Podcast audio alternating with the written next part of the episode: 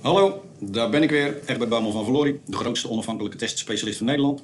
Leuk dat je luistert naar deze derde aflevering van mijn podcast over geautomatiseerd testen. Voor iedereen met gezonde interesse in dat thema. Niet al te technisch, maar ook niet te oppervlakkig. Vorige keer hadden we ruim 15 minuten waarin we zagen hoe de tools nu precies met het te testen systeem praten. In deze aflevering ga ik de voordelen en nadelen van geautomatiseerd testen op een rijtje zetten. Maar voordat we hierin duiken, wil ik iets uit aflevering 1 nuanceren.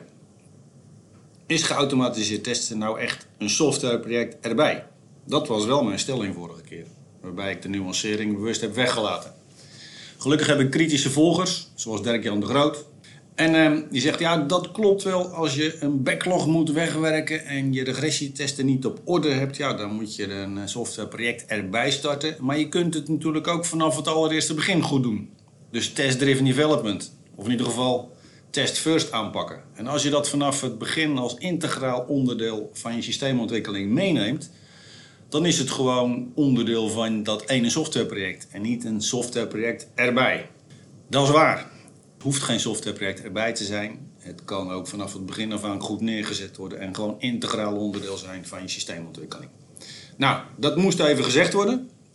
Nu terug naar alle voor- en nadelen.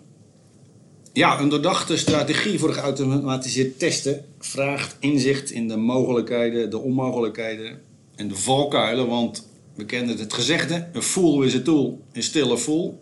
Een automating chaos is a faster disaster. En die ene vergeten valkuil kan je een hoop ellende bezorgen. En dat ene vergeten voordeel kan maken dat je jouw goede plan niet verkocht krijgt aan de beslissers in je organisatie. Daarom ga ik nu alle mogelijke voor- en nadelen die we in de smart testpraktijk ervaren, of die ik van anderen heb opgepikt, met je doornemen. Ik heb het kaf van het koren gescheiden uiteraard en ze snijden allemaal hout. Maar, uiteraard, we praten hier niet over absolute waarheden. Spreekt een voor- of nadeel je niet aan, of is het in jouw situatie niet relevant, laat hem vooral rusten. Goed, daar gaan we dan. Om te beginnen alle mogelijke voordelen van geautomatiseerd testen. Ik heb er 18. Nummer 1. Het is snel. Je krijgt snellere feedback, een hogere velocity van je team. Testen zit minder op het kritieke pad. Nummer 2. Je kunt meer en vaker testen. Vanwege die hogere snelheid kun je frequenter testen. Nummer 3. Het maakt vollediger testen mogelijk. Met een betere dekkingsgraad en daardoor minder kans op productieverstoringen. Die snelheid en volledigheid maakt je IT delivery meer agile en meer wendbaar. Nummer 5. Het is goedkoper. Je kosten zijn lager door onder andere minder menskracht voor de uitvoering. Daar moet ik wel bij zeggen dat snelle besparingen op korte termijn zeldzaam zijn. De kost gaat ook hier voor de baat uit. Zelfs op lange termijn zijn de directe kosten niet altijd lager dan bij handmatig testen, wat men soms wel denkt. De winst kan in andere voordelen zitten, die zich uiteindelijk natuurlijk ook weer in geld vertalen, zoals wendbaarheid, kwaliteit, volledigheid. En uiteindelijk op termijn moeten die investeringen, direct of indirect, uiteraard winstgevend zijn. Dan gaan we naar voordeel 6. Geautomatiseerd testen is ook een brainsaver. Want het routinewerk wordt je uit handen genomen en je houdt meer tijd over voor exploratieve, intelligente en creatieve testen. Nummer 7. Het is betrouwbaar, want minder foutgevoelig. De tool doet precies wat je zegt, telkens opnieuw. Nummer 8. Je maakt het herhaalbaar. Want je doet elke keer exact hetzelfde. En bugs zijn makkelijker te reproduceren. Nummer 9. Het is veelzijdig. Het maakt namelijk testen mogelijk die handmatig niet lukken, omdat het snel gaat of omdat er geen handmatige mens-machine interface is. Nummer 10. Het is nauwkeurig. Het maakt nauwkeuriger meten mogelijk, bijvoorbeeld van responstijden. En nummer 11. Alles wordt traceerbaar. Achteraf kun je altijd achterhalen wat er precies is getest, op welk moment en wat de resultaten waren. Een nummer 12. Het is leuk en motiverend. Biedt gewoon meer uitdaging en motivatie voor uh, je medewerkers. die minder saai en handmatig uitvoerend testwerk hoeven te doen. Niet dat iedereen per se altijd vies is van routinewerk. Sommige mensen vinden dat leuk. Uh, maar in algemeenheid geldt dat mensen blij worden als uh, hun tijd kunnen besteden aan creatief werk in plaats van aan routinewerk. Nummer 13. Het bespaart ook op andere manieren tijd. De gebruikte tools zijn ook handig voor het snel invoeren van grote hoeveelheden consistente testdata via de schermen bijvoorbeeld. Dus met invoervalidaties, wat toch net even veiliger is als uitgangssituaties direct in de database zetten. Met het risico van inconsistenties en referentiële integriteit issues. Dat heb je niet als je het via de schermen invoert met een doel. Dan nummer 14. Je benut je omgevingen beter. Want je testen kun je in principe 24 uur per dag, 7 dagen per week draaien. Dus je dure testomgevingen worden beter uitgenut. Nummer 15. Het ondersteunt visualisatie. Continue visuele kwaliteitsindicatie van de software zichtbaar voor iedereen in de organisatie via dashboards op de gangen is in principe mogelijk door koppeling aan tools voor geautomatiseerd testen als die elke dag een regressietest run draaien. Nummer 16, het brengt structuur. Het brengt rust, reinheid en regelmaat in je werk. Want geautomatiseerd testen kan nu helemaal niet zonder een gestructureerd proces met stabiele omgevingen en schone testdata. Hier geldt natuurlijk wel, elk voordeel heeft zijn nadeel. Dus in de nadelen komen we hier straks nog op terug. Nummer 17. Het draagt bij aan een soepel beeldproces. Geautomatiseerd testen is een onmisbare schakel in een geautomatiseerd beeldproces en continuous integration en in test-first software ontwikkeling aanpakken, zoals test-driven development. En laatste, nummer 18. Performance testen kunnen niet zonder. Alleen met tools kun je langdurig of zelfs continu testen met hoge of wisselende belastingen mogelijk maken. Denk aan performance, load, stress, peak, soak, endurance en reliability testen. Lukt je nooit zonder tools. Nou, dat uh, waren ze alle 18. Ik hoop dat je er nog bent. En we gaan gewoon door.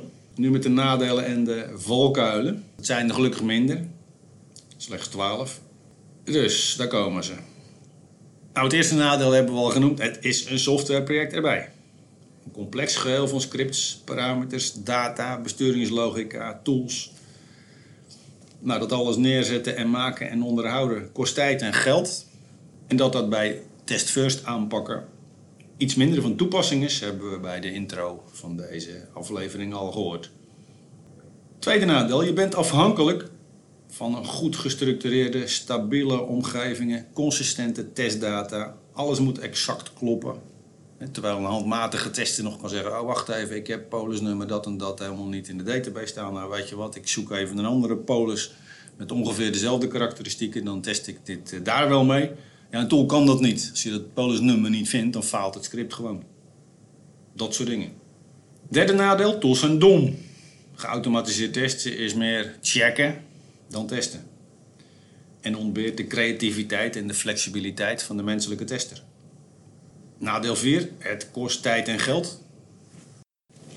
Afgezien van dure uren van dure specialisten zijn veel tools evenmin gratis en kost selectie en inkoop ook tijd en energie. Vijfde nadeel. Het is complex. De tools brengen hun eigen complexiteit mee. Verge opleiding en beheer enzovoort. Nadeel 6. Het heeft zijn beperkingen. Niet alle testen kunnen worden geautomatiseerd. Er zijn testen die kun je alleen maar handmatig doen. Denk bijvoorbeeld aan uh, het testen van inloggen en dan de CAPTCHA. Nou, op het moment dat je dat kunt automatiseren, dan heb je bewezen dat de CAPTCHA niet goed is. Want dat moet alleen een mens kunnen. Nadeel 7. De analyse van de fails en runverslagen kan tijdrovend zijn. Met name als je dekkingsgraad groter en fijnmaziger wordt en de tool veel onterechte fouten rapporteert. En dat heb je met tools. Heel vaak zijn fails geen echte fouten, maar zijn het uh, datadingetjes, uh, kleine wijzigingetjes die een verbetering zijn, maar nog niet matchen met het vastgelegde testscript. Dat soort zaken. Nadeel 8. Tools kunnen ook beveiligingsrisico's introduceren. Denk aan lekken, kwetsbaarheden, bijvoorbeeld door poorten open te zetten en te linken naar mogelijk riskante cloud services. Daar moet je dus alert op zijn. Nadeel 9. Geautomatiseerd testen kan ten koste gaan van het kritische testoog. De creativiteit wordt voortaan gestopt in tooltechnische uitdagingen en niet meer in kritisch nadenken over risico's, out-of-the-box issues en kritisch testontwerp. Moet hier denken aan testgoer Michael Bolton, die de wereld afreist met zijn workshop Critical Thinking voor Testers. Nou, hij benadrukt voortdurend de toegevoegde waarde van testers op deze wereld. Is dat je de, ja, de lastige vragen stelt en op een intelligente manier out of the box test. Tools doen dat niet. Nadeel 10. Wat dacht je van minder draagvlak?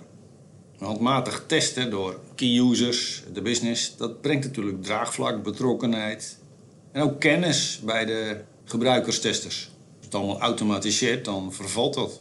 En dat is soms jammer. Nummer 11, een hele gevaarlijke, schijnzekerheid. Het vertrouwen in de uitkomsten van geautomatiseerde testruns is vaak groot. Maar de dekking en de kwaliteit van een geautomatiseerde testset zijn natuurlijk niet meer waard dan wat de ontwerpers erin gestopt hebben. Dus um, de Selenium run is geslaagd. Daar kunnen mensen van onder de indruk zijn. Maar het zegt op zichzelf natuurlijk helemaal niks. Het is maar net wat er in die Selenium testen aanwezig was.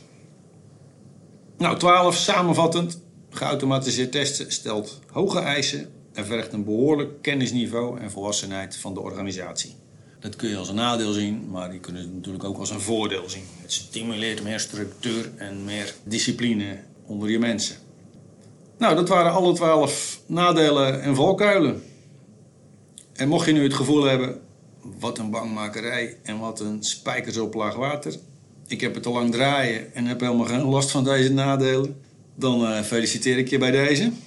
En gelukkig geldt vooral deze nadelen dat ze bij een intelligente strategie prima geneutraliseerd kunnen worden. En blijkbaar heb je dat goed voor elkaar. Chapeau. Even tussendoor. Wat ik net heb gedaan is natuurlijk absoluut not done. Je gaat in een podcast niet een lijst van 30 items zitten afwerken. Toch heb ik dat wel gedaan, omdat ik denk dat het nodig en nuttig is. Maar ja, ik weet niet of jij dat ook vindt. Uh, als het je niet heeft gestoord, laat dan even weten. En als het je wel heeft gestoord, maar je hebt toch doorgebeten, dankjewel. En feedback in de trant van wil je dit nooit meer doen, Egbert? Dat mag. Daar ben ik zelfs heel blij mee. Let's uh, fail forward, zullen we maar zeggen. Hou me bij de les en met jullie feedback wordt het hopelijk uh, steeds een stukje beter, deze podcast. Dat was hem even tussendoor. Nu wil ik er ook nog even kijken naar wanneer moet je nou liever niet aan geautomatiseerd testen denken. Ja, de vraag is natuurlijk, moet je überhaupt alle testen willen, willen automatiseren? Het antwoord is nee. Want geautomatiseerd testen is niet de silver bullet voor elke situatie. Ten eerste is en blijft testen een creatief proces, omdat het bijna per definitie gaat over uitzonderingssituaties die niet of minder goed zijn gedocumenteerd en waar eerder niet goed genoeg over is nagedacht. Daarom eh, zijn dat soort dingen ook vaak buggy. En de beste testideeën ontstaan vaak door wat we noemen critical thinking tijdens handmatige testuitvoering. Noem het exploratief testen. Het is ook de voorkeursaanpak voor testen van nieuwe functionaliteit in agile teams. En ja, eerlijk is eerlijk, eigenlijk is dat het echte testwerk. In tegenstelling tot het automatiseerbare checken. Ten tweede is het eh, hands-on werken met een nieuw systeem waardevol. Voor draagvlak, kennisdeling, betrokkenheid, training van de gebruikers. De gebruikers leveren de bevestiging dat het systeem inderdaad fit for purpose is. Misschien komen er vergeten requirements boven water. Ja, dit soort zaken zijn een belangrijke meerwaarde van handmatig testen en leveren weer input voor nieuwe geautomatiseerde testen. En ten derde zijn er genoeg situaties waarin de kosten niet opwegen tegen de baten of waarbij de technische beperkingen gewoon te groot zijn. Ik zal later de kwantitatieve business case behandelen.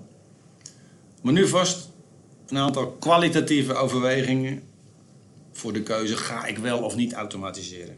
Ook weer een lijstje. Doe het weer. En ik ga telkens zeggen: een situatie waarin, je, waarin het een goed idee is om te automatiseren, En vervolgens de spiegelbeeldige situatie waarin het een minder goed idee is. Nou, daar gaan we. Als eerste.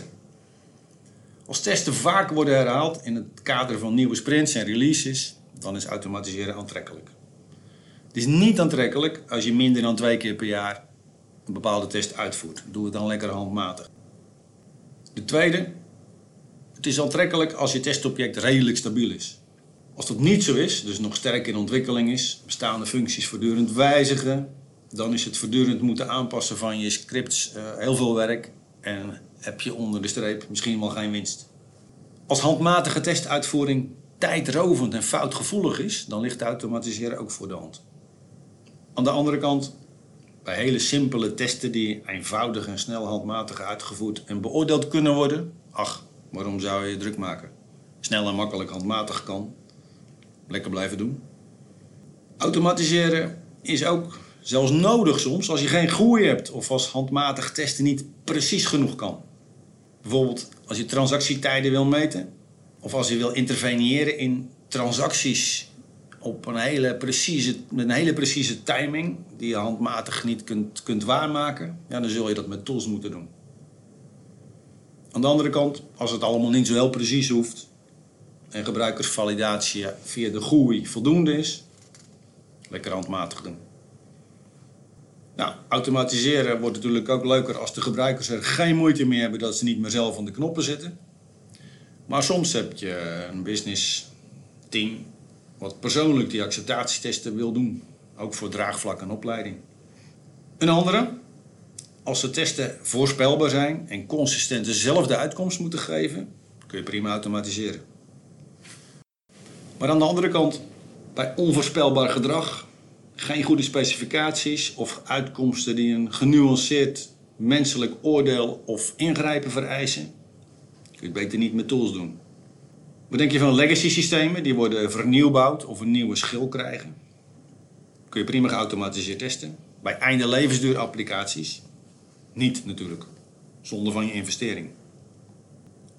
Als de applicatie voldoet aan standaarden, gangbare webinterfaces en protocollen, dus heel erg uh, netjes is opgezet, dan uh, kunnen de tools er meestal prima mee uit de voeten. Maar als die applicatie geen gestandaardiseerde GUI of API-interfaces heeft en dus moeilijk herkend wordt door tools, dan wordt het misschien een, uh, een moeizame reis. Kun je beter niet aan beginnen. Als de nadruk ligt op functionaliteit, gebruikersinteractie en performance, dan ligt geautomatiseerd testen voor de hand. Maar voor non-functional kwaliteitsaspecten, zoals gebruikersvriendelijkheid, vormgeving, leerbaarheid, aanpasbaarheid, ja, die laten zich moeilijk geautomatiseerd testen. Daar heb je ook weer de mens voor nodig. Nog eentje. Als externe interfaces beschikbaar of makkelijk te simuleren zijn, met stubs en drivers, service virtualisatie, Docker, nou, dan kun je ook automatiseren. Maar als die externe interfaces niet beschikbaar zijn, of niet stabiel zijn, of niet eenvoudig te simuleren, ja, dan heb je toch weer een stuk menselijke creativiteit nodig. Wordt automatiseren ook weer lastig. Nou, automatiseren ligt natuurlijk voor de hand als de applicatie veel functionaliteit heeft en de testuitvoering arbeidsintensief is. Aan de andere kant, als je applicatie beperkte functionaliteit heeft, de nadruk op data ligt, ja, dan ligt de uitdaging meer bij slimme vergelijkingssoftware en niet bij het automatiseren van de handelingen via de GUI. Kun je beter inzetten op slimme compare tools. En niet zozeer op automatiseren van de invoer en de testhandelingen, want die zijn niet zo ingewikkeld. En als laatste, geautomatiseerd testen werkt vooral heel goed bij administratieve systemen. Ook die systemen rondom embedded software en Internet of Things-achtige situaties. Aan de andere kant geautomatiseerd testen van de echte embedded software en Internet of Things functies kan wel, maar niet met generieke tooling. Dat vergt over het algemeen hele specifieke tooling. Nou, dat was het voor deze keer. Volgende keer behandelen we een onmisbaar model. De Test Automation Pyramide van Mike Cohn. Een onmisbaar model bij de keuze op welk niveau je aan de slag gaat. Via de GUI, via de API of op unit niveau. Dank weer voor het luisteren. Ik hoop dat het na deze aflevering van lijstjes nog steeds naar meer smaakt. En hopelijk tot de volgende keer.